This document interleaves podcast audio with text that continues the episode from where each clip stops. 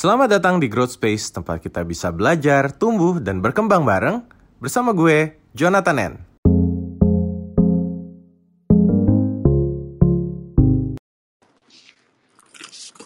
Halo teman-teman semua, suaraku kedengeran jelas nggak, Nu? Halo, halo, halo. Jelas nggak? Suaraku jelas nggak? Suaramu jelas sekarang. Oh, jelas Suaraku ya? jelas? Aman, aman, aman. Oke, selamat Oke. malam semua teman-teman. Kembali lagi di Growth Space Radio di Clubhouse. Seperti biasa, tiap Senin, eh Selasa, Selasa, Kamis. Selasa, Kamis, sama Selasa, Sabtu. Kamis. Ya keingetnya kayak puasa ya Senin Kamis. tiap Selasa Kamis jam 8 malam kita ngobrol-ngobrol kalau Sabtu jam 3 sore anu. Nah, kali ini kita akan membahas tentang cerita gaji pertama. Nah, nih teman-teman yang pasti cerita gaji pertama tuh lucu-lucu ya. Yoi. eh, Iya kan? Mungkin nanti nanti kita sharing-sharing juga ya dari Betul. eh, dari kamu juga guys gimana untuk karir Ya, karir pathnya gimana terus terus sekarang ini kan ikut ini Ajinda ya nah itu eh, pasti seru nih perjalanan eh, cerita karirnya oke mungkin buat teman-teman juga yang kebetulan lagi pengen ngobrol-ngobrol atau sharing-sharing tentang eh, mungkin dia mungkin kalian baru aja eh, keterima kerja atau mungkin udah berapa tahun. Nah kira-kira masih ingat nggak sih kisah-kisah menarik soal gaji pertama kalian itu biasanya dipakai buat apa? Soalnya kan eh, gini guys biasanya eh, feeling kita tuh kalau habis sekolah lama nih ya sekolah 4 tahun nih misal terus dapat gajian yang pertama. Nah berasa kayak kaya gitu loh jadi orang super kaya sedunia wah anjir gajian nih tanggal 25 gitu kan dapat berjuta-juta gitu. Sepertinya tidak semua. iya mungkin mungkin kan ada juga yang seperti itu kan kita nggak enggak ya. menutup kemungkinan oh iya ya kan lo kan udah kaya dari sononya Enggak. Malah enggak, enggak. Ntar lah kita cerita. Oke, oke. Udah mungkin eh dari teman saya dulu nih ya. Oke, halo selamat malam Mas Yongki. Iya, selamat malam Bang Ibnu. Lama nggak ketemu nih. Halo, halo. Sehat ya, sehat ya. Alhamdulillah sehat. Oh ya, ini salam kenal juga Mbak Kezia ya. Halo, salam kenal. Ya, Yonggi Yonggi. Oke, eh, Mas Yongki, ini eh, mungkin bisa perkenalan dulu kali ya. Kita kan baru pertama kali ngobrol lewat Growth Space ini, lewat clubhouse-nya Growth Space ini. Kira-kira Mas Yongki ini berkarir di bidang apa? Terus kemudian first job-nya apa? Terus lulusan apa? Mungkin bis- siapa tahu bisa jadi eh, inspirasi lah buat teman-teman. Apakah kerjaannya relate dengan jurusannya kayak gitu? Oke, mungkin bisa sharing sekarang sih Mas Yongki. Oke, terima kasih Bang untuk waktunya. Eh, perkenalkan saya Yongki. Eh, dulu sempat ini ya. eh, saya dulu kuliah di salah satu institut teknologi di Surabaya.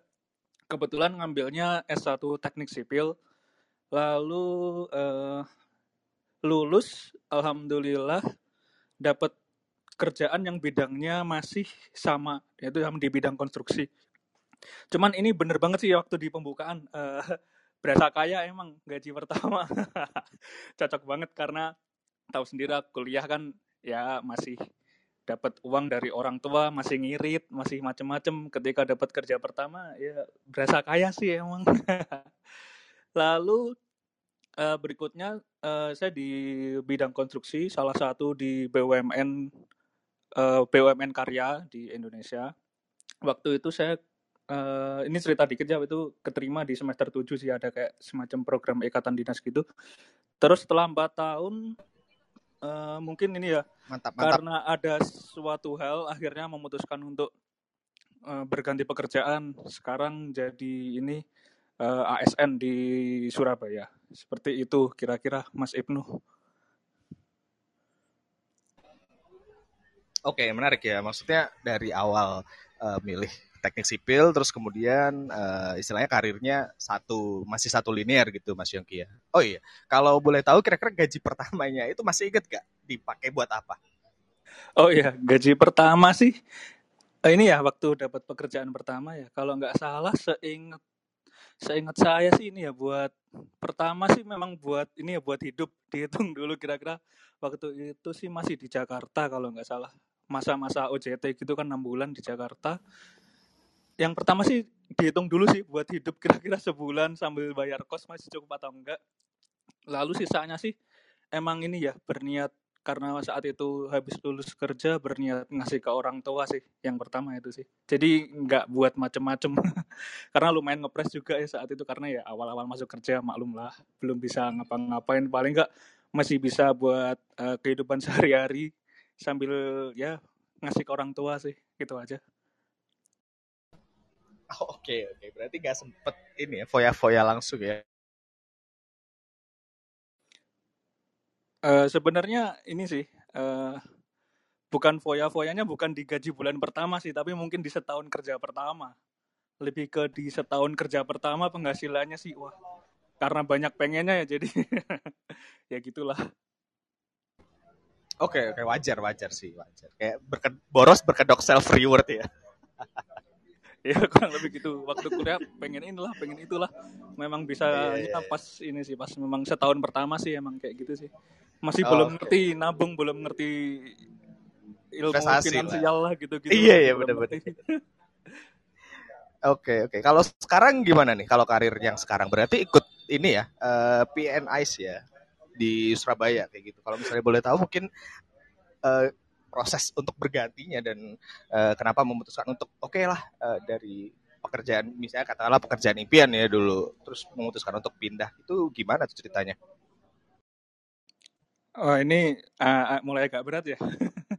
Jadi gini sih, uh, awalnya memang sudah berkarir di salah satu BUMN karya itu kurang lebih empat tahun. Lalu uh, karena sering jarang pulang dan sudah punya istri, akhirnya mencoba untuk uh, menco berganti prioritas lah lebih tepatnya. Karena setelah empat tahun uh, dirasa kalau LDR tidak berjalan dengan baik jadi harus cari tempat yang paling enggak satu domisili dengan istri saat itu. Lebih ke itu sih. Dan waktu dipindah di menjadi kaum umbi ya. Nama kerennya kan kaum umbi itu di twitternya PNIS itu ya, kalau nggak salah alhamdulillahnya masih ini sih bidangnya masih ada jadi karena ini ya gabungnya di salah satu dinas di inspektorat jadi mengawasi pekerjaan fisik, kadang mengawasi di luar pekerjaan fisik. Jadi masih masih ada linearnya meskipun nggak sebagian besar ya. Jadi cuma 50-50 lah kadang linear, kadang juga harus mempelajari bidang lain seperti itu sih.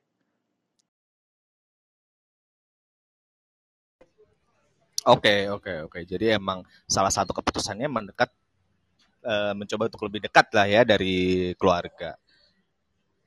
Lah, iya benar. Ya. Uh, Oke, oke. Terima kasih Mas Yongki. Untuk sementara mungkin aku ke Mbak Noksi dulu nih. Halo, selamat malam Mbak Noksi. Halo, dengar nggak? Uh. Dengar, dengar jelas jelas. Oke, oke, oke. Halo, kenalin semuanya. Aku Noksi. Kebetulan uh, aku tinggalnya di Malang. Kemarin sempat kerja, nggak sempat sih sampai sekarang. Uh, kerja di Jakarta, tapi sekarang WFA di Malang lagi gitu. Sama dong Oh ya, oke oke oke. Eh, langsung aja ya, cerita apa ini? Oh ya, gaji pertama. Gaji pertama. Uh, oh ya, gaji pertama aku start kerja tuh mulai semester 3 dulu. Uh, semester 3 kuliah aku udah kerja karena uh, apa ya?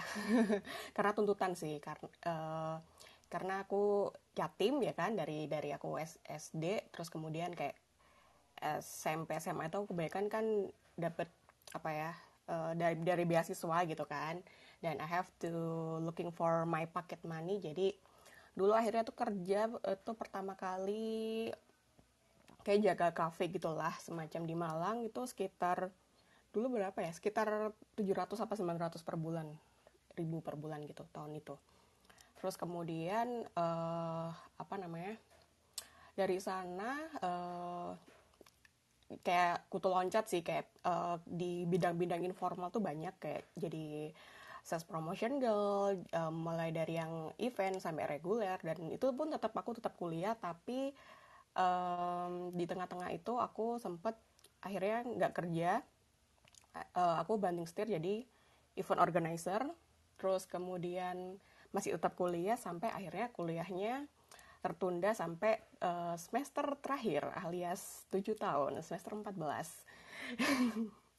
Dan aku lulus di tahun 2016, baru baru aku ngerasa settle itu di abis lulus tuh aku sempat kerja itu uh, jadi apa ya dulu ya? Uh, event team leader. Kemudian dengan project base gitu uh, hampir 6 6 8 bulan baru akhirnya dapat kerjaan di Jakarta di tahun 2018 sampai sekarang kayak gitu sih. Oke, okay, berarti uh, emang udah dari zaman kuliah ya, istilahnya part time gitu kan? Kayak uh, kalau misalnya di Malang. Full time. Full oh, time. full time di full di kafenya itu. Full time jadi aku kuliah sampai misalnya sampai siang sampai sore gitu kan. Aku shift malam. Uh, di oh, mana kalau boleh tahu? Waduh, tempatnya udah nggak ada. Waduh. Oke. okay. Udah, udah, udah, okay. udah nggak ada. oh, oke. Okay. Kirain sekampus gitu kan? Oh, enggak, enggak, enggak. Udah lama banget. Kayaknya udah nggak ada sih aku kayaknya ke terakhir muter-muter. Oke, oke, oke. Oke, terus habis itu langsung pindah istilahnya sesuai istilah pas sesuai ini ya, sesuai passion gitu ya kayak eh, nggak uh, uh, ada passion sih sebenarnya. Oh, iya. jadi jadi jurusanku tuh komunikasi kan komunikasi hmm. bisnis. Uh, kalau sekarang itu manajemen komunikasi atau kalau nggak salah namanya. Kalau angkatanku sih namanya komunikasi bisnis. Harusnya sih lebih ke advertising atau agency lah gitu kan. Nah berhubung I don't have any apa ya semacam nggak ada pandangan gitu. I have to go to misalkan kalau di Malang kan belum ada gitu kan hal-hal yang agency things kan masih baru-baru ini gitu. Benar, dan Betul. nah itu adanya dulu aku cuma taunya ya adanya cuma di Jakarta. And and I don't have any idea to work in Jakarta gitu loh at that time. So that's why uh, aku masih ngerasa ya udahlah paling Malang Surabaya udah cukup gitu I mean like I have family here and ya Jakarta is not my list lah gitu loh. Terus kemudian tapi ternyata di tengah-tengah itu uh, ternyata kayak kakakku di uh, kerjaannya pindah ke Surabaya terus mamaku juga sempat uh, apa namanya tinggal juga di akhirnya di Jakarta juga. Salah di, di Jakarta semua gitu kan. Akhirnya kemarin dapat kerjaan di Jakarta pun akhirnya kayak itu berapa kali aku interview di tempat yang berbeda kayak dua tiga kali. Akhirnya yang terakhir itu adalah dapat rekomendasi dari teman aku aku kuliah gitu. Beda jurus eh beda fakultas kemudian kayak eh lo mau ini nggak uh, coba di sini bla bla bla bla gituin kayak ya udah aku coba. Terus ya udah akhirnya kayak ambil aja dan keterima gitu sampai sekarang. Oke okay, berarti istilahnya ada jam start bukan jam start sih kayak uh, lonjakan karir ya bisa dibilang lonjakan karir. Iya iya iya. Dengan Soalnya, istilahnya perbedaan salary, salary yang berkali-kali lipat kan uh, uh, yang aku bisa ini kan kalau bisa boleh bilang sih ya ini ugly truth ya ini bukan contoh sukses seperti yang lain. uh, gak apa-apa kita kita kita sharing gitu lebih banyak uh, yang relate. Nah itu oh. lebih bagus gitu. Nanti kita oh, akan iya. cerita Biasanya kesedihan kan di klub harus di dua digit space. gitu kan, harus oh, iya. 30 juta gitu. iya, iya, ya kalau itu kan ya mungkin aku harus left dulu mungkin kali ya. Iya, iya. Ini ini contoh okay, contoh uh, ini aja. Mungkin kalau dibilang gaji sebenarnya nggak terlalu berbeda gitu kan. Ta uh, tapi aku cuma punya tenggat waktu gitu. Terakhir aku di Malang pun itu gajiku udah kayak UMR Surabaya gitu loh. Terus uh, itu walaupun project base aku udah udah ditawarin untuk kerja sebagai uh, misal kok regular tuh kayak kontrak lah gitu uh, kontrak di FMCG gitu yeah.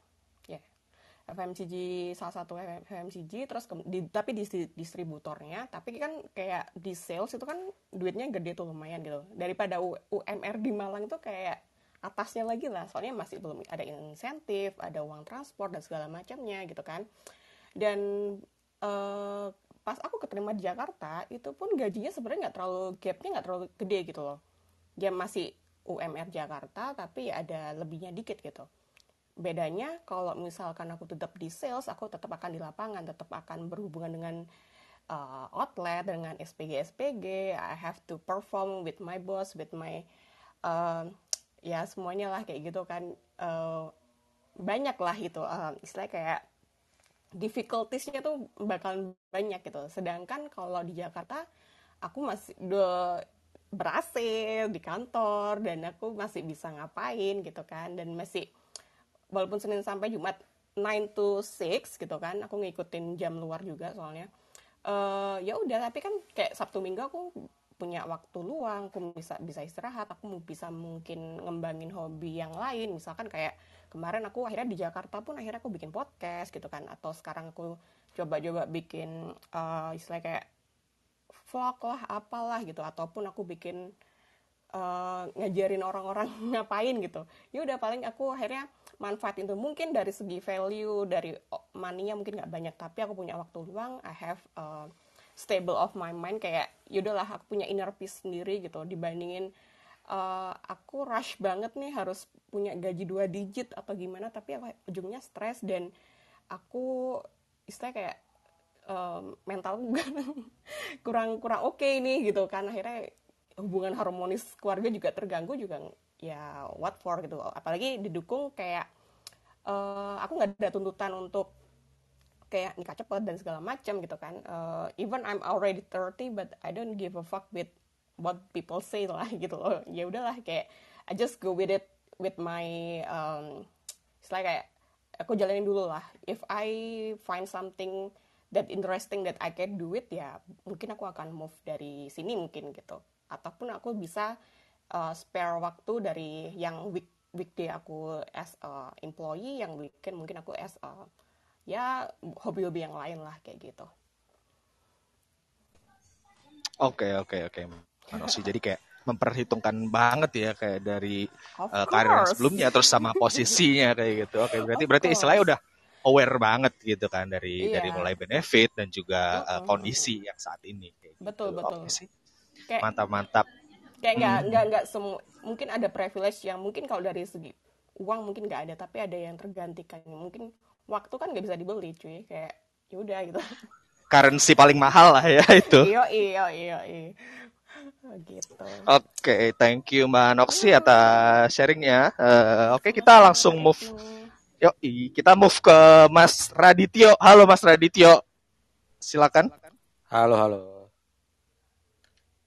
Suaraku ada kan? Aman, aman. Oke. Uh, sebelumnya perkenalkan aku Radityo, biasa dipanggil Dito. uh, kerjaan sekarang desainer grafis di salah satu agensi di Jakarta. Kalau share cerita gaji pertama, pertama mungkin dulu pas ini kali ya, pas magang kali, pas kuliah. Jadi dulu uh, aku sempat kuliah di Malang, cuma satu dan satu dan lain hal aku uh, harus pindah. Uh, aku pindah ke Jakarta dan mulai kuliah lagi di situ kuliah desain. Nah, di situ tuh aku magang di salah satu kantor di daerah Gading Serpong. Di situ dapet tuh gaji pertama. Gaji pertama itu aku pakai buat uh, nongkrong, nongkrong sama teman-teman sama buat beli kaos. Nah, akhirnya ujung-ujungnya uh, menyesal tuh. Kayak aduh boros banget nih. Gitu kan. Terus udah akhirnya mulai ditabung ditabung sampai akhirnya sekarang udah kerja. Di kayak uh, udah udah mulai kayak lebih berhemat lah gitu lebih berhemat terus apa ya, uh, ya sekarang udah bisa ngasih ke orang tua jadi kayak sebagian kasih ke orang tua sebagian uh, ditabung gitu seperti itu Oke oke. Terus terus gimana mas? Uh, untuk ini ya kan berarti kan dari dulu yang kuliah di Malang, terus yang yeah. sekarang berkarir sebagai desainer grafis itu uh, emang udah keinginannya, terus apakah udah benar-benar sesuai ekspektasi atau gimana tuh? Uh, Sebenarnya sesuai sih, bilang sesuai ekspektasi sesuai karena uh, jadi itu pekerjaan uh, ya karena emang dari dulu kan suka gambar kan suka gambar suka ngutak atik apa ya suka uh, nyari ulik-ulik desain lah ulik-ulik desain kurang lebih kayak gitu. Nah jadi di pekerjaan sekarang tuh jadi kayak lebih apa ya eh, nggak gitu beban gitu nggak begitu pusing karena emang emang suka. Cuman yang mungkin ini sih eh, karena yang desainer grafis kan pasti ada aja tuh. Kalau dari klien kan eh, apa jam-jam ajaib lah kerjainnya nah itu tuh yang nggak bisa dipungkiri jadi kadang-kadang emang masih jam 12 malam itu kadang masih ngedesain jam jam jam 2 pagi itu masih ngedesain. Itu sih paling suka dukanya kalau misalnya kerjaan desain gitu. Oke oke ya. Jadi kayak standarnya eh, ini ya ahensi itu ahensi ya mas ya. iya betul. Oke. Oke oke. Eh, Itu dulu kali Mas Dito. Apa ada yang mau disampaikan lagi mungkin buat teman-teman? eh udah sih sebenarnya cukup Oke oke. Eh, Bisa. mungkin kalau misalnya teman-teman eh, pengen desain-desain absurd, mis- mungkin bisa promosi juga ya Mas Dito. bener-bener boleh kalau mungkin ada kebutuhan desain atau ilustrator eh ilustrasi eh, bisa ke aku mungkin Ini ya eh, 2 m ya bayarannya. Makasih Mas. makasih mas Makasih Mas. Iya mas, Eh, 3M, 3M, 3M. Oh 3 m apa tuh? Mantap, makasih mas. Mantap, makasih Mas. Oke, revisi unlimited gitu ya. Oke, Eh, thank you Mas Dito atas sharing-sharingnya. Eh, jadi dulu sebenarnya Mas Dito ini eh, temanku kuliah ya. Eh, dulu dia kuliah di Betul. Fakultas Perikanan, Fakultas Perikanan dan Ilmu Kelautan, tapi dia passionnya di desain gitu. Ya, Iya. emang rada aneh sih orangnya. Oke, eh, move on. Move on ke Mas Muhammad Rizky. Halo, selamat malam Mas Muhammad Rizky. Halo, selamat malam Mas Ibnu. Halo, halo gimana kabarnya malam ini, Mas? Ah, sehat tapi tadi habis kehujanan. Surabaya, Mojokerto hujan deras. Alhamdulillah. Ya ini di Batu banjir, Mas, banjir bandang, sumpah. Wah, makanya itu parah kalau batu banjir bandang gimana nih Surabaya Mojokerto. Oke. nanti.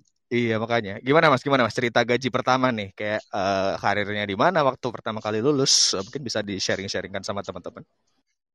Mau pertama kali lulus apa perjalanan sebelum lulus? Boleh pertama kali lulus karena kayaknya menarik sih. Eh, Oke, pertama kali lulus aku masih belum cari kerja di aku kan lulus di bulan Agustus. Bulan Agustus sudah selesai sidang, sudah selesai semua pas tiga eh, pas empat tahun lah. Ya, aku kuliah di Malang, universitasnya Politeknik sih, Politeknik Negeri Malang. Nah, itu eh, bulan Agustus dan itu masih ngerjakan proyek, aku ngerjakan proyek kampus dan itu sehari bayarannya 15.000 Seperti itu sehari 15.000 until I uh, work at February Februari 2000 berapa tuh ya? 2017 ya. Seperti itu. Eh 2016 mohon maaf. Ya 2016 Februari 2016 17 ya. Seperti itulah Februari awal Februari baru di Mhm. sama ibuku. Kamu nggak mau tak kerja yang lebih layak? Ah maksudnya soalnya terlanjur cinta dengan pekerjaan itu dalam arti meskipun 15.000 tapi lot of-nya itu banyak. Nggak hanya sehari itu 15.000 tapi kadang bisa sampai 50.000 sampai 200.000 tergantung permintaan karena kan sebelum ada Gojek dulu di Malang aku bikin teratur Malang seperti itu Mhm. teman-teman Oh, Oke, oke. Kalau Berarti eh, bisa bisa dibal. Kalau di Instagramnya tahu bisa di follow waktu itu ya. Teratur Malang itu hits dari 2000 2015 sampai 2016 akhir. Itu sih. Terus eh, aku move ke Surabaya sebagai admin, nah, admin sales. Nah, sebelum di situ ya admin sales itu gajiannya ya hanya 3,2 di Surabaya UMR. Nah, tahu sendiri kan kalau pekerjaan admin apalagi passionku bukan di admin karena passionku Mas Ibnu tahu sendiri seperti apa Iya, itu itu data, data kantor dirusak semua, Mas. Data data kantor karena passionnya nggak di admin. bukan Oh, dirusak enggak ya? Oh, bukan dirusak Oke, oke, kan oke. sama-sama sama-sama marketing and salesnya tahu Oh. seluruhnya ya see, kecium I see, juga lah jadi terlalu jujur aku Oh, masuknya Oke, Nah, oke, oke, oke. Kurang yang ajar aku berarti ya. Mas Mas Rizky kurang ajar berarti di sini. Oh, bukan ya? Oh, enggak, sorry, sorry, sorry. Bukan Berarti kurang terlalu ajar. jujur. Emang terlalu manajernya jujur ya. ah, manajernya nggak koordinasi dulu sama saya. Seperti itu. Jadi I waktu see, itu laporan sama dengan dengan Pak perpajakan atau keuangan itu saya malah disalahkan oleh manajer marketingnya, tapi kalau saya sama dengan manajer marketingnya tapi berbeda dengan manajer keuangan sama perpajakan, aku disalahkan lah. Kan ini kan dua apa ya? Dua pendapat yang berbeda yang tidak bisa dijadikan satu karena ya itu tadi marketing and sales ini mainnya kok agak seperti ini lah. Tuh. Nah, di situ aku hanya Uh, uh, bertahan Oke, sampai oke. bulan Juli. Uh, I get out from here and nganggur sampai September. September ya tahu sendiri lah aku di mana kan. Itu aku di PT Takiron Indonesia di Pasuruan. Wilayah kerjaku all Kalimantan seperti itu. Bahkan sampai sudah pernah cover di Medan, Lampung seperti itu. Itu gajiannya ya tahu sendiri lah dari tiga waktu itu tiga dua aku masuk perusahaan farmasi itu terus aku ke Takiron itu dari 35 until 4 lah terakhir. 4 juta. Seperti itu.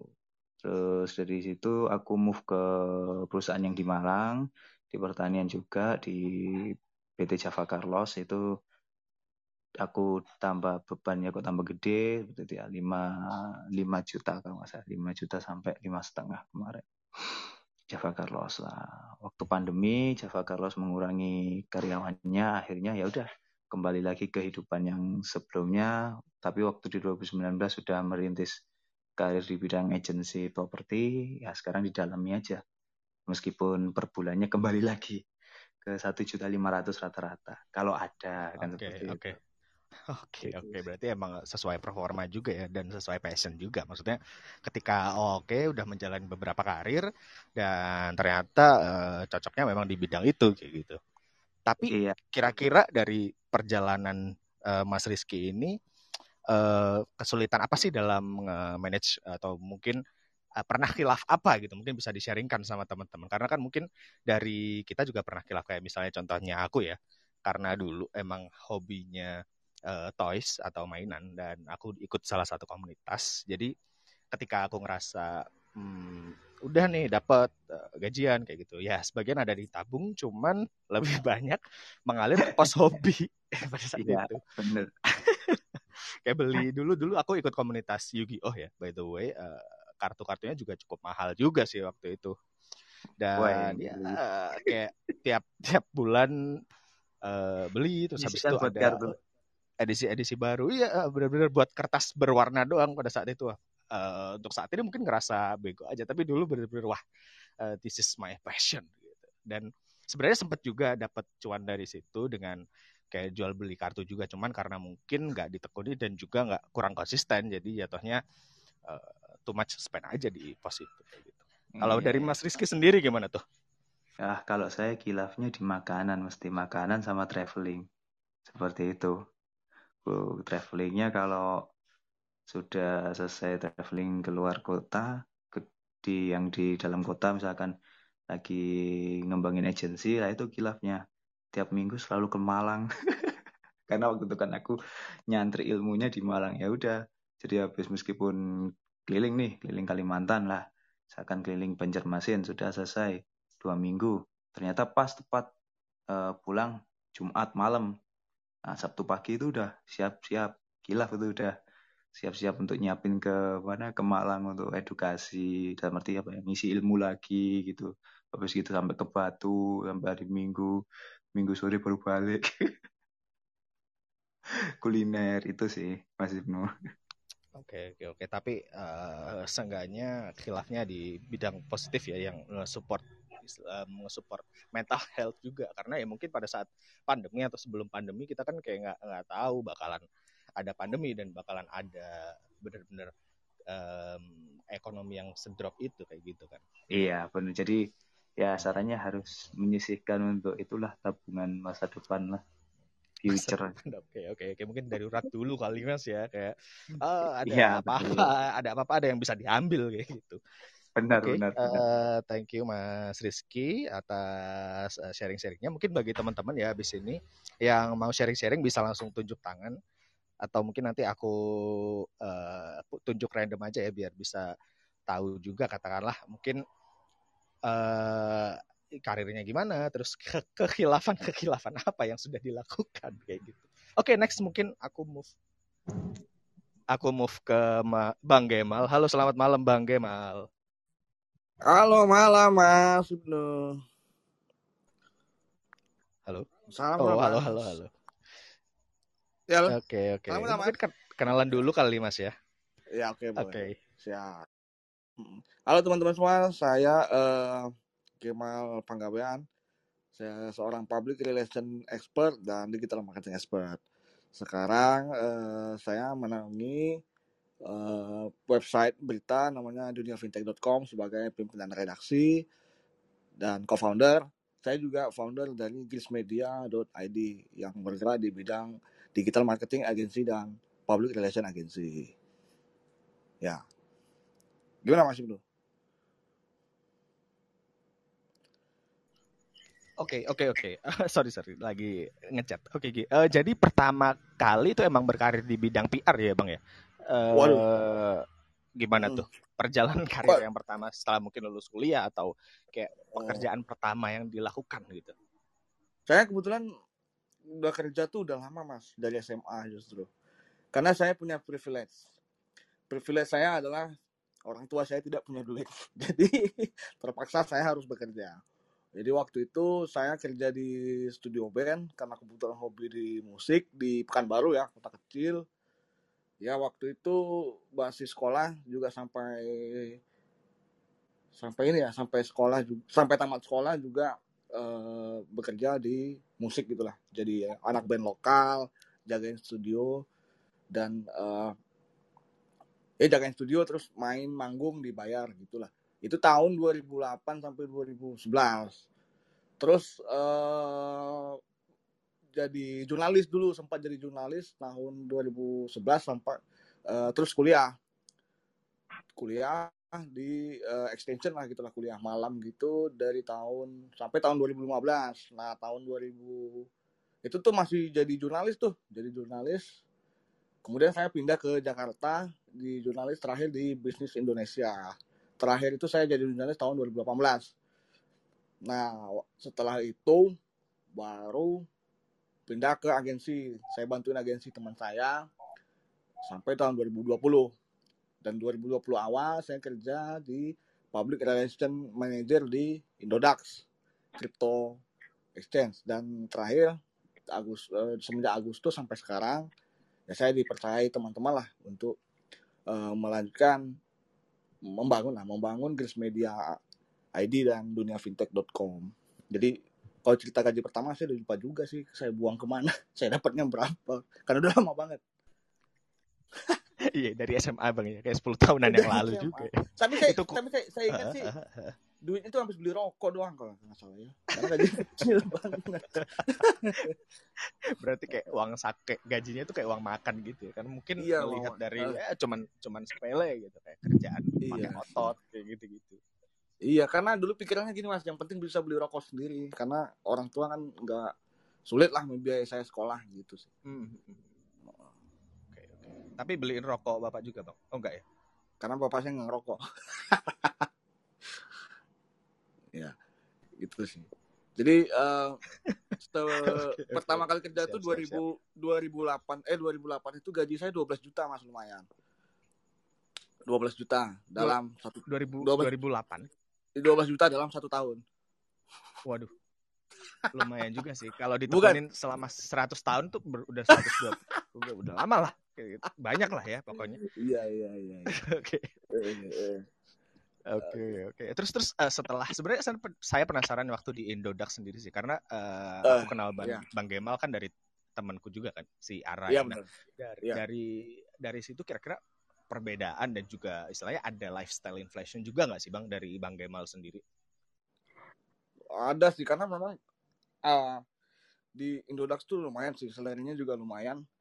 Uh, pasti ada perubahan lifestyle yang begitu drastis lah. Apalagi memang semenjak saya di dari jurnalis ke agensi, terus agensi ke Indodax sampai akhirnya buka usaha sendiri itu pasti ada lifestyle yang banyak perubahan. Cuman kalau saya berpikir adalah lifestyle ini mungkin perlu untuk brand awareness. Oh, sorry self awareness saya. Brand brand branding self saya gitu loh. Jadi saya mesti beli ini biar orang yakin sama saya. Saya bisa saya perlu investasi ini biar orang yakin sama saya. Gitu loh lebih kepada eh, hal-hal. Dan biasanya saya memang spend uang. Misalnya jam ada hal yang bisa saya jual lagi. Misalnya kayak jam jam tangan yang bisa saya jual lagi. Sepatu yang bisa saya jual lagi. Biar aja mahal yang penting bisa dijual lagi kan daripada beli yang tanggung tanggung tapi nggak bisa dijual. Nah itu sih. Kalau saya pikirnya ke sana. Oh, Oke, berarti kayak mirip-mirip dengan saya juga ya eh, prinsip hidupnya. Lebih baik menyesal membeli daripada tidak membeli gitu. lebih baik betul. Betul karena gini Bener, misalnya kayak bener, bener. jam tang jam tangan atau apa gitu ya sepatu misalnya. Biar aja gua eh, berapa berapa belas juta puluh juta gitu ya udah biar gua bokeh yang penting gua beli karena besok harganya naik kan gitu bener bener bener bener. Iya. Apalagi kayak barang-barang koleksi gitu kan biasanya eh, iya ada ada waktunya juga. Kalau misalnya Iya. udah lima- tahun atau 10 tahun biasanya naik juga sih. benar benar benar benar Oke oke. Kalau misalnya tips nih buat yang mungkin ya masih eh, under lah istilahnya masih under dan juga mungkin kan bekas dari eh, Indodax juga yang istilahnya mengencourage orang-orang atau mengencourage eh, anggotanya buat bisa saving atau bu- bisa spend wisely di gajinya. Mungkin dari Bang Kemal sendiri gimana? nih? sebenarnya gini kalau um, sekarang sih masih masih berhubungan dengan tips keuangan juga sih karena uh, website saya duniafintech.com itu juga Oh iya dunia fintech ya. Seben- Yes. Sebenarnya ker- pekerjaan juga, terakhir uh, sebelum ini di fintech juga sih mas. Kayak oh eh, di di salah satu peer to peer lending yang sempat viral juga. Cuman eh, kita jangan biasa bicarakan itu. Oke, mungkin oke lanjut. siap siap.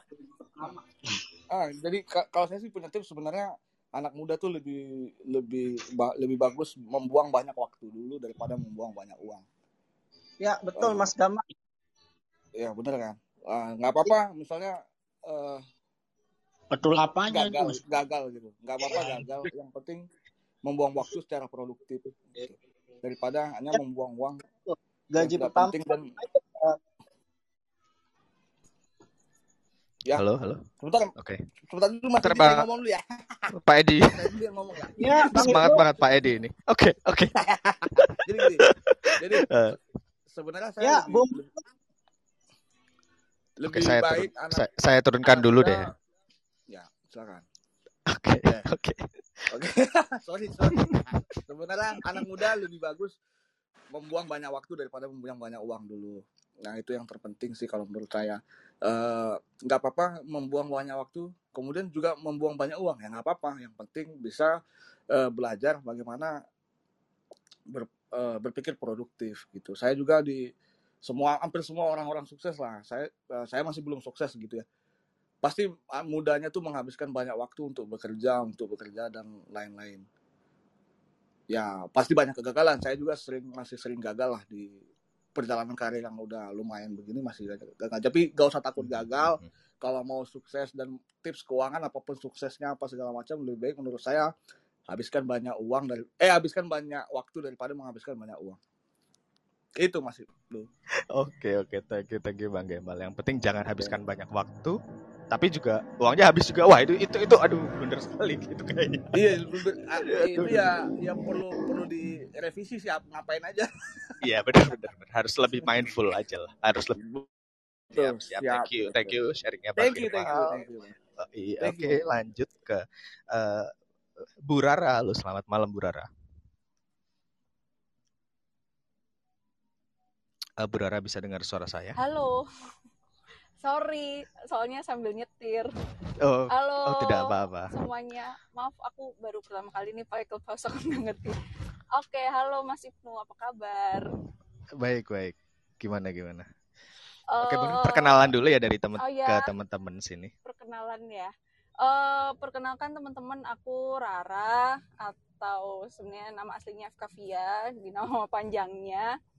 Eh aku sekarang kerja di PT Nutrifood Indonesia. Mungkin kalau teman-teman nggak tahu nama PT-nya, eh, brand yang dibawa itu ada Nutrisari, Tropicana Slim, Hilo, apalagi Elmen, ya begitu-begitulah pokoknya. Eh, terus ini pekerjaan pertamaku setelah lulus ya. kayak gitu tapi uh, aku sempet ada penghasilan sebelum aku lulus gitu tapi aku nggak tahu sih ini boleh di share atau enggak ya kalau yang waktu kuliah tuh aku merasa itu tuh antara halal dan tidak halal gitu kan Oke, oke. Gimana? oke. Bo- boleh sih, boleh sih. Eh, jadi itu eh, untuk pertama kali aku benar-benar menghasilkan itu lebih ke lihat peluang sih. Jadi waktu kuliah tuh eh ospek ya, waktu ospek mungkin teman-teman pasti tahu lah eh, untuk yang panitia dulu zamannya eh, mahasiswa jadi panitia ospek dan lain sebagainya pasti kan melelahkan ya eh, ngecek-ngecek atau apa pun itu. Nah, aku dulu waktu semester berapa ya berarti semester 3 sama semester 5 itu sempet eh, jualan alat ospek kayak gitu. Jadi eh, itu aku omsetnya juga lumayan ya teman-teman. Jadi tuh eh, aku sih eh, tidak melihat hal negatifnya ya dari ini, tapi lebih kepada eh, ada beberapa orang itu yang tinggalnya jauh itu tuh nggak bisa untuk datang lebih awal ke kampus kayak gitu. Tapi mereka harus menyiapkan lebih awal dan dulu kan aku kuliah di Brawijaya ya. Di Brawijaya itu di fakultasku tuh kayak eh, warna kertas apa sih kertas karton atau buffalo kayak gitu-gitu itu ditentuin banget kan warnanya benar-benar harus sama terus pita warnanya harus sama ketika orang eh, luar kota kan memang ada kesulitan nah aku lebih ke menjembatani sih sebenarnya kayak gitu eh sorry ya kalau suaranya agak putus-putus ini lagi Iya, di iya. Jagorawi soalnya Kayak solving Gitu. solving problems gitu ya berarti. Solving untuk- problem untuk- kan Oke, sebenarnya. Jadi, benar-benar benar. eh, lebih ke membantu teman-teman yang memang kebanyakan sih memang klienku asik klien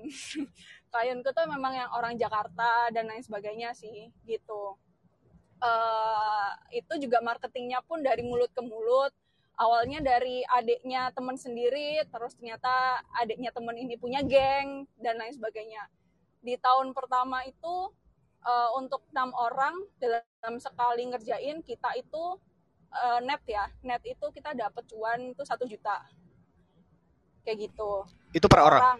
Per orang per tuh. orang per Waduh. orang per orang Itu itu itu membantu atau merampok ya? kan kita memfasilitasi Oh iya benar-benar kan nggak tahu ya orang luar kan kota. iya kan luar kota. kasihan ya gitu Stan, apalagi standar Jakarta tuh biasanya dapat uang sakunya banyak kan.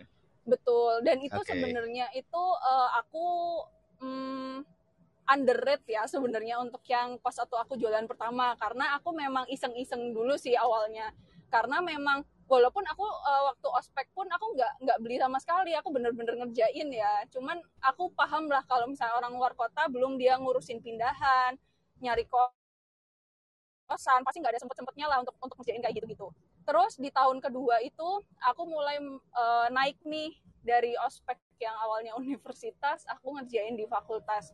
Tapi aku beneran ngerjain ya untuk yang esainya itu aku kerjain beneran. Kan harus tulis tangan tuh ya aku juga heran ya kenapa ya harus ospeknya kayak gitu Eh, jadi tuh kita harus ada tema A, B, C, D kayak gitu-gitu sekali eh, sekali tugas tuh ada 3 sampai 5 kalau nggak salah itu esai gitu dan aku memang kerjain sendiri dan aku tulis tangan sendiri kayak Oke. gitu. Oke. Agak I see, gempor I tapi see. ya butuh uang gitu. nah, terus Oke, terus Eh, setelah setelah eh, ini maksudnya setelah real job pertama nih kan kan sekarang di Uh-uh. Nutrifood ya. Eh, oh, kira-kira oh, oh, oh. gimana gimana tuh untuk perbedaan Nah, kalau misalkan dari eh, Nutrifood sendiri itu Perbedaannya aku kan sempat eh, kerja juga tuh. Nah, mm-mm, perbedaannya kan juga Iyalah, eh, eh, tentu. Eh, sekarang kan karena udah di dunia profesional juga kan. Tapi eh, apa namanya? Oh ya ini mungkin teman-teman ada yang beberapa belum tahu ya untuk jenis pekerjaanku. Eh, karena aku juga dulu tuh nggak ngerti. Jadi aku tuh eh, sekarang tuh eh, menjabat sebagai sales distribution coordinator. Jadi aku tuh kerjanya itu controlling di distributor, terus handling outlet dan lain sebagainya. Karena beberapa orang kan mindset kalau ngomongin salesman itu pasti kayak salesman yang eh, dari toko ke toko minta orderan kan kayak gitu. Nah, aku itu eh, sebagai koordinatornya si salesman dan distributor kayak gitu. Nah, dan eh, dulu itu karena nggak ngerti juga sebenarnya apply apa terus iya iya aja kayak gitu kan agak lumayan sih sebenarnya gitu untuk gaji pertamaku untuk mungkin sharing-sharing ya untuk teman-teman mungkin yang mau pindah eh, apa namanya pindah Ke Nutrifood gitu. pekerjaan ke, ke pekerjaan ya dalam tanda kutip di sales distribution gitu. Mungkin eh, jadi pandangan juga. Itu gaji pertamaku untuk sebagai karyawan belum tetap itu ada di sekitar enam setengah juta per bulan. Kayak gitu. Dengan fasilitas eh, kesehatan ya pastilah ya gitu. Sama kita dibawain mobil gitu. Jadi kita eh, ada apa namanya eh, operasional kendaraan itu kita dapat mobil sih dari kantor. Terus eh, untuk sekarang aku kerja sekitar tiga setengah tahun. Sekarang gajiku per bulan itu eh, adalah 10 lebih kayak gitu per bulan. Gitu. Jadi kali aja teman-teman nih ada yang mau nih gitu. Karena ya untuk eh, bisnis food and beverage itu sebenarnya itu selama pandemi itu juga tumbuh loh kayak gitu malah tumbuh maksudku kayak gitu jadi Oke, siap. jadi apa namanya ini eh, informasi Nyari ini ya, nyari sih, rek- gitu. Nyari anak kok, sales juga. gitu Oh, kan. enggak ya? kan MLM apa sih MLM kan MLM, ya oke. gitu jadi gitu buat Oke, tambahan terus- informasi nih kayak gitu Hilaf apa nih yang yang mungkin ada penyesalan di situ gitu loh setelah ada peningkatan. Oke, eh, Eh. dulu gajinya 2 juta kan ya. Terus habis itu waduh langsung eh, 16 juta. Nah, Kira-kira hilafnya apa nih? eh sebenarnya sih bukan hilaf. Eh, aku tuh antara hilaf tapi aku bersyukur atas kehilafan itu sih. Jadi eh karena aku ditempatin ke area-area yang tidak ada teman, kadang tidak ada mall kayak gitu kan. Aku jadi spendingnya uangnya itu eh ngocor terus sih. Jadi selama dua tahun aku kerja, aku tuh nol tabungan gitu. Bener-bener nggak ada tabungan karena aku itu kayak tiap hari nyaris kayak ya Starbucks, terus nonton, terus kalau nonton pun beli merchandise tuh popcorn bucket lah dan lain sebagainya ratusan ribu itu dan lain-lain kayak gitu sih. Terus tiap minggu juga ke Jakarta buat ya ke mall gitu gitulah karena memang untuk eh, area kerjaku itu. Saat itu aku pernah ada di Karawang aku pindah ke Cirebon dan memang nggak ada temen sama sekali jadi memang akhirnya spending uang ke situ ya aku agak menyesal sih karena nggak punya uang akhirnya walaupun akhirnya ya untung Oke, masih bisa menikah ya gitu Oh, ya kan Gitu menikah kan. ini kan dari suami kan? Oh, bukan ya? enggak ya Oh, enggak. ya gitu Oh, iya. setengah cuman kan ya untungnya Oke, nih ada bonus kantor kan jadi ya ya dari situlah gitu Oke, akhirnya oke, punya oke. tabungan gitu Oh, Oke, oke. Berarti pelajarannya kalau ditempatin di daerah hati-hati. jangan jangan merasa oh ini ini ini desa nih gitu kan. Kayak Iya. gajiku gede ini desa. Saat eh, aku bisa nabung banyak gitu. Ternyata malah boncos. Oke eh, terima kasih mbak Rara atas sharingnya. Mungkin buat teman-teman yang yang pengen nyoba atau apa ya bisa langsung ya. Oke Em, langsung next ke sorry, sorry. pisang pongpong halo ini ini kalau ini beneran di desa nih kayaknya halo admin Halo Mas Ibnu, halo dikerjain saya. Gimana gimana gimana? Sharing dong, sharing dong tentang gaji pertama. Kayak gaji pertama tuh ini ya kayak keuntungan lah ya berarti atau gimana tuh? Perjalanannya pisang pongpong kali ya. Semoga nggak ada followersnya pisang pompong di sini. Eh, gaji pertama ya. Eh, saya saya dulu kan kuliah di Universitas Negeri Malang, bukan jurusan pendidikan gitu, IKIP ya, IKIP. Terus ya khasnya anak IKIP lah kan, kalau apa ngelesi itu dulu mulai semester apa ya? Semester tiga paling. Semester tiga itu seminggu sekitar tiga kali itu per pertemuannya dibayar dua puluh lima ribu. Terus dipotong sama agen lesnya dua ribu. Jadi gaji saya dua puluh tiga ribu. gitu. Terus Lumayan ya itu buat eh, bensin ya sekali bolak-balik habis lah ya. Berarti apa kerja kerja sosial. Oh, oh oke oke oke. Jadi dulu saya nge Mas itu orang Malang kan, paling tahu Ah, sama Bogor itu. Saya ngepas di sini Bogor, terus ngelesinya itu di Villa Sengkaling. Jadi saya ngangkat dua kali. Oh. Wow. Oke Kalau oke. kemalaman itu nggak dapat angkot saya jalan ke terminal Landung Sari Wah, gitu keren sih, keren sih, keren, keren, keren. seru seru seru tapi kalau lagi temen-temen yang di kosan ada yang bawa motor dan nganggur gitu biasanya saya dipinjemin lah baik-baik Oke, untungnya bisa naik motor ya. Untungnya iya Eh, Oke, oke. tu- Terus untuk mungkin mungkin back- background story-nya Pisang Pongpong nih kayak kemarin kan di eh, Instagram tuh kan sempat ramai banget kan dari semua hampir semua circle atau hampir eh, kayak Bang John, terus Amrazing dan lain-lain tuh kayak nge-review, wah ini enak nih. Kira-kira perjalanan buat menuju ke sana tuh gimana tuh? itu perjalanan yang tidak sengaja sebenarnya kalau teman-teman kan saya salut ya apa kayak kerja itu ngikutin passionnya gitu-gitu. Kalau saya itu enggak. Eh, malah kayak yang ada di depan saya ya udahlah itu saya jadikan passion saya. Gitu. Pasrah banget.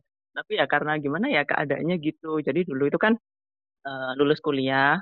Lulus kuliah saya itu pas banget waktu yudisium itu ada pengumuman gitu untuk seleksi ke apa, jadi guru di pedalaman gitu loh mas tapi gajinya lumayan waduh ini bagi orang saya yang emang background keluarganya nggak berkecukupan itu lumayan Mhm. banget akhirnya daftar lah dan alhamdulillah lolos cuman berangkatnya baru tahun depannya gitu akhirnya saya Itu Indonesia mengejar, bukan? bukan Oh, di bukan, beda lagi ya. oh nggak bah, nggak tahu ya Oke, oke. Lalu? Itulah. pokoknya intinya saya udah di sana empat tahun di Sabah itu negara bagian Malaysia mas cuman di pedalamannya gitu loh Ah, oke, oke. jadi anak-anak Indonesia itu banyak yang di sana anak-anaknya buruh pekerja sawit gitu. Cuman mereka nggak dapat akses pendidikan. Jadi pemerintah Indonesia sama pemerintah Malaysia itu bekerja sama. Eh, pe- pemerintah Malaysia itu bikin kayak fasilitas sekolahnya, gedungnya. Nah, yang pemerintah Indonesia mengirimkan guru-gurunya. Karena itu kan pertanggungjawabannya perusahaan sawit kan untuk menyediakan eh, pendidikan untuk eh, para anak-anak pekerjanya gitu ya.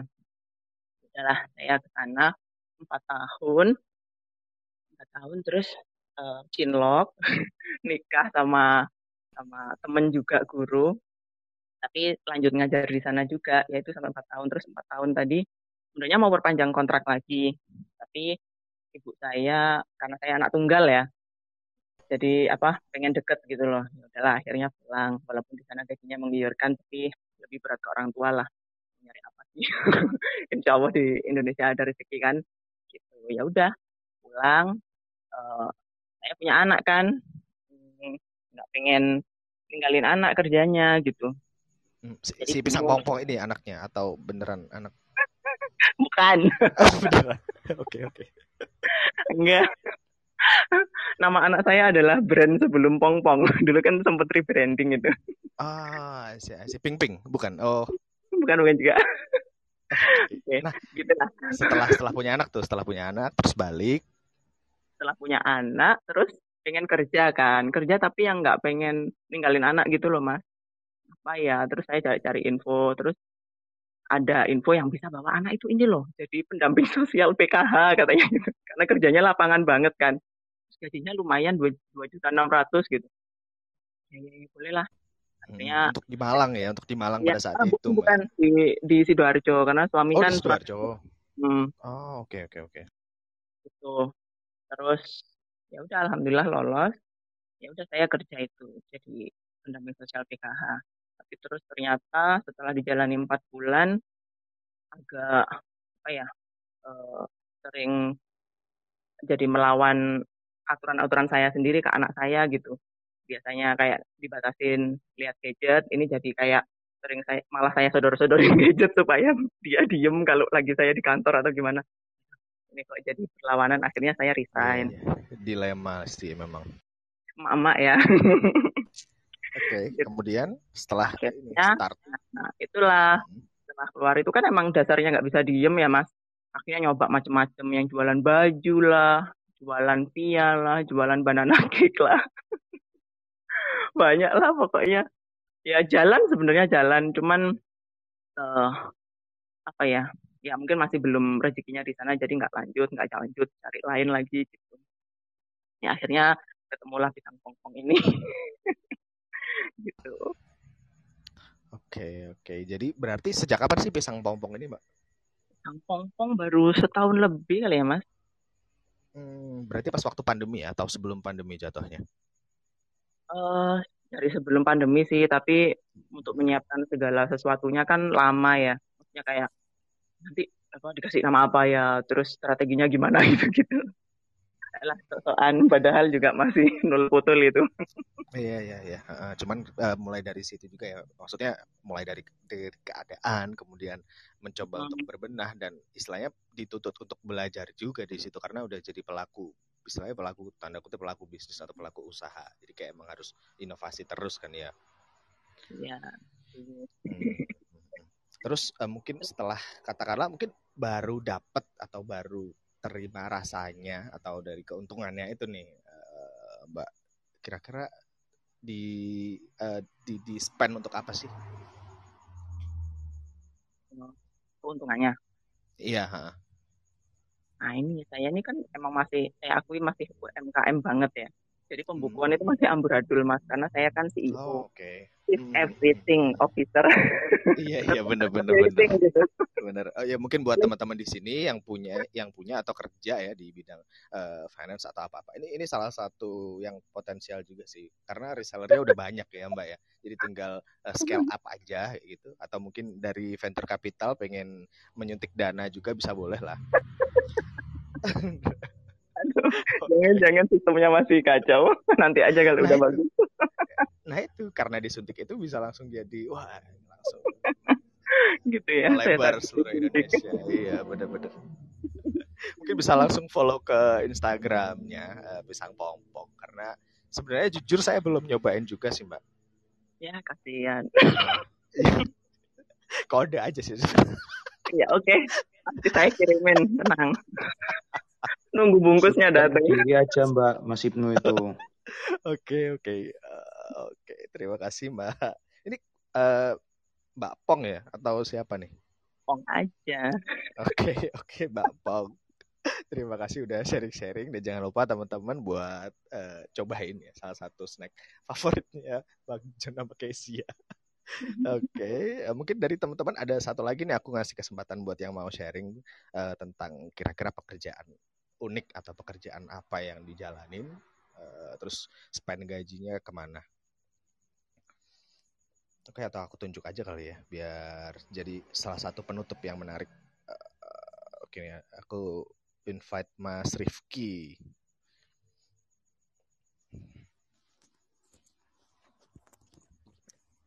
Halo malam Mas Rifki. Halo, selamat malam. Halo, selamat malam. Wah, kebetulan. Ini pilih aspek banget ya. se- sebenarnya tadi mau ngobrol kan, maksudnya aku tahu kan. Kayak ya udahlah aku kasih kesempatan aja gitu. Ya monggo Mas Rizky perkenalan mungkin bisa jadi eh, ajang silaturahmi. Oke, ya thank you untuk Mas Ibnu. Ya, perkenalkan semuanya. Aku Rifki dari Aceh. Jadi pertama kali kerja itu eh, tamat SMA. Jadi sebelum kayak kuliah tuh kan eh, ada space kayak tiga bulan gitu kan. Nah jadi ceritanya waktu itu tuh eh, kebetulan keluarga lagi ngedrop banget dari segi ekonomi. Ya aku pribadi juga ngedon dan bertepatan di saat itu tuh di pacaran gitu. Nah, jadi aku tuh tipe kalau orang yang minder tapi diarahkan ke arah yang positif. Nah, waktu itu tuh aku masih pakai HP eh, Nokia E63 pada saat itu. Nah, pacarku ini dia pakai Android. Nah, jadi waktu itu belum pacaran sih, masih kayak PDKT. Nah, kayak tiga bulan PDKT itu eh, si pacarku ini mantan ya mantan. Dia kayak udah kebelet eh, pengen jumpa, cuman aku kayak berdalih ya ada kesibukan inilah itulah jadi biar nggak jumpa dulu. Padahal karena aku tuh malu sih karena nggak punya Android kan. Sementara dia punya, jadi aku mikir nih gimana caranya biar bisa punya Android sementara nggak bisa minta sama orang tua juga. Jadi di space tiga bulan sebelum kuliah itu eh, aku memutuskan untuk eh, nurunkan egoku kan untuk bisa kerja di sebuah perusahaan eh, ya perusahaan yang namanya warnet warung internet nah kebetulan warnetnya itu uh, punyanya temen ayahku kayak gitu. Jadi mungkin buat masuk jadi lebih gampang. Yaudah akhirnya aku kerja di situ cukup lama ya uh, 30 hari ya lama banget ya. Kenapa lama? Ya karena nggak suka kan. Tapi ya demi biar bisa dapat gaji pertama terus beli Android. Jadi uh, gaji pertama waktu itu tuh tujuh ratus ribu ya udah jadi uh, setelah dapat gaji tujuh ratus ribu uh, minta sedikit duit ke bunda sekitar tiga ratus ribuan lah uh, kemudian uh, berarti total satu juta terus beli HP Evercost E Evercost A26C kayak gitu ya udah Oke. Yang akhirnya Android ya, Android. Ya. ya Android uh, Padahal, Android padahal uh, sebenarnya masih masih bagus banget Nokia N63 sih. Iya bisa bisa Iya. WhatsAppan juga cuman Iya, karena iya. nggak bisa BBM jadi gitu dan aku bilang ke bunda sih kayak "Eh, ini mau beli HP biar bisa jualan online kayak gitu tapi memang sih setelah beli HP itu kemudian jadi jadi ketemu sama si doi dan aku memang beneran mau jalan bisa online juga jualan produk eh, gitu ya udah gitu aja sih gaji pertama langsung beli HP biar bisa ketemu sama doi sekalian jualan online Mhm. Thank you Oke, thank you Mas Rifki. Jadi kayak eh, motivasinya pun juga cukup menarik ya. Kayak oke aku nggak mau terlihat eh, malu ya, karena aku tidak punya Android meskipun HP ku Nokia N63 yang harga barunya dulu sekitar 3 juta atau 4 jutaan. Jadi kayak eh, motivasi yang sangat menarik sih. Jadi kayak mungkin buat aku juga atau buat teman-teman kali ya yang eh, istilahnya meningkatkan self esteem dengan membeli barang-barang yang yang yang itu juga sebenarnya bermanfaat juga nantinya ya Mas Rizky ya. Oke.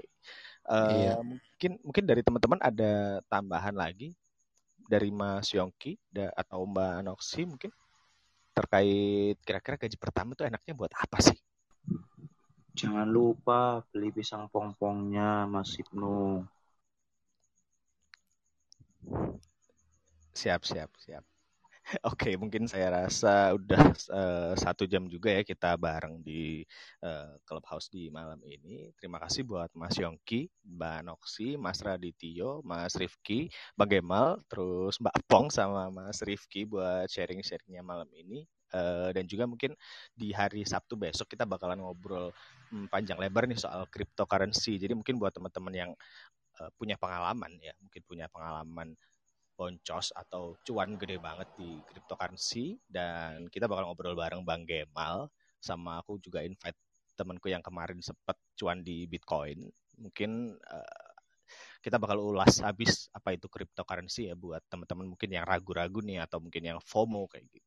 Mungkin eh, malam ini cukup em, seru dan ramai juga eh, banyak teman-teman yang sharing. Eh, terima kasih buat semuanya. Terima kasih atas waktunya. Saya akhiri ya eh, Clubhouse Growth Space malam ini. Selamat malam. Selamat malam.